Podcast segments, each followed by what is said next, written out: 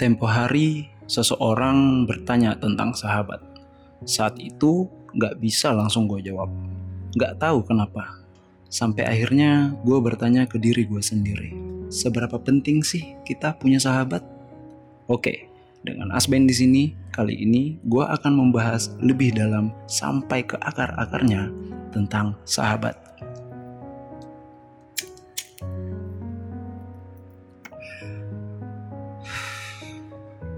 Menurut KBBI atau Kamus Besar Bahasa Indonesia, sahabat adalah teman atau kawan. Sebatas itu. Sedangkan menurut Wikipedia, persahabatan adalah istilah yang menggambarkan perilaku kerjasama dan saling mendukung antar dua atau lebih entitas sosial. Dalam pengertian sosial atau penafsiran kita selama ini, sahabat adalah teman yang sangat dekat Ya, dekat dalam artian sering menghabiskan waktu bersama atau mengetahui banyak hal tentang kita lebih dari teman biasa atau mungkin lebih dari pasangan. Bisa juga karena sebuah pertemanan yang udah lama berlangsung, ya itu juga bisa disebut sahabat.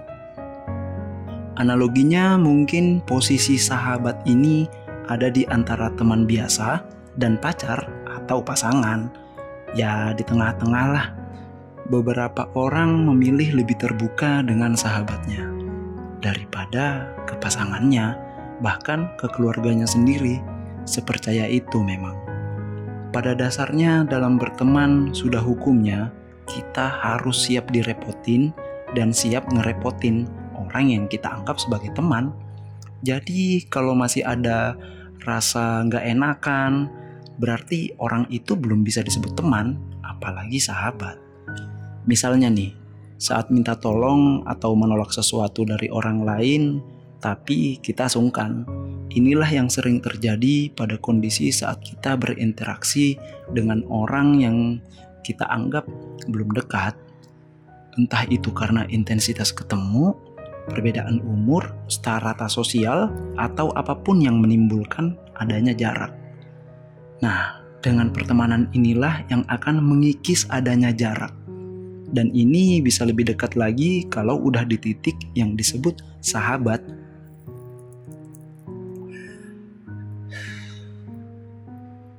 Dengan begitu, dalam persahabatan semestinya udah nggak ada rasa sungkan, nggak ada rasa nggak adil, hitung-hitungan, rasa iri, dan lain-lainnya pastinya sudah ada rasa saling mengerti satu sama lain. Ya, idealnya sih begitu ya. Hmm, seberapa butuh sih kita dengan sosok sahabat ini?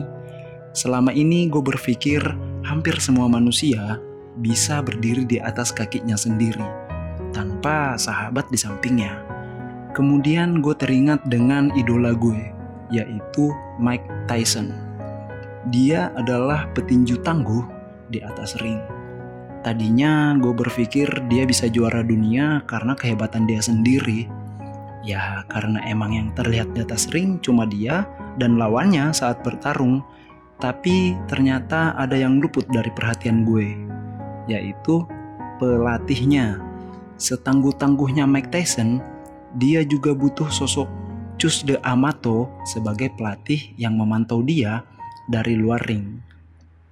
Cus de Amato ini yang melihat gimana Mike bertanding dan dia juga fokus untuk mengetahui kelemahan lawannya biar si Mike bisa menangin pertarungan. Cusda Amato ini yang melihat gimana Mike bertanding dan dia juga fokus untuk mengetahui kelemahan lawannya biar si Mike Tyson bisa menangin pertarungan.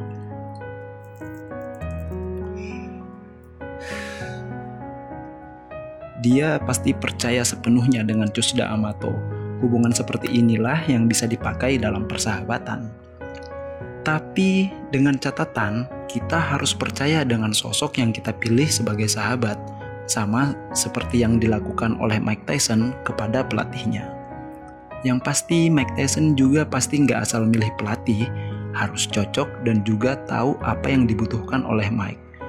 Dengan analogi itu, gue yakin kita akan butuh sahabat untuk mengarungi hidup. Sahabatlah yang membantu kita mengarahkan, memberi masukan, memberikan support, atau mungkin dia adalah solusi untuk masalah kita. Dengan dasar rasa percaya ini, maka kita bisa berbagi banyak hal, entah itu rahasia kita, beban masalah pribadi, atau lingkungan, bahkan mungkin privasi. Hal itu juga yang bisa membuat posisi sahabat melampaui pasangan kita sendiri. Kemudian, seperti apa sih sosok sahabat idaman itu? Yang pasti, yang bisa mengerti kita, dan kita harus saling mengenal secara mendalam, sehingga kita tahu gimana harus saling menyikapi. Gimana caranya kita bisa saling mengenal? Ya, minimal kita menghabiskan waktu bersama lah berbagi cerita, dan saling mengorbankan banyak hal, entah itu waktu, tenaga, atau materi. Kenapa harus menghabiskan waktu bersama?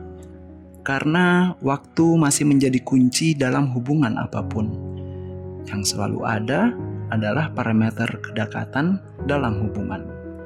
Fungsi lain dari sahabat adalah kita bisa lebih mengenal diri kita sendiri, karena dia bisa mewakili orang lain di luar diri kita Ya samalah dengan analogi Mike Tyson tadi.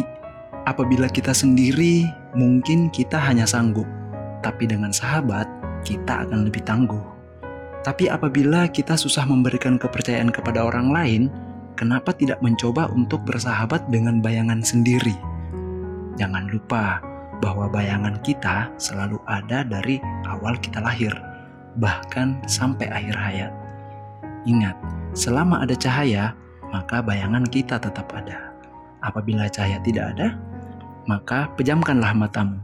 Istirahatlah untuk menghadapi hari esok bersama bayanganmu. Sekian dari gue, Asben, out.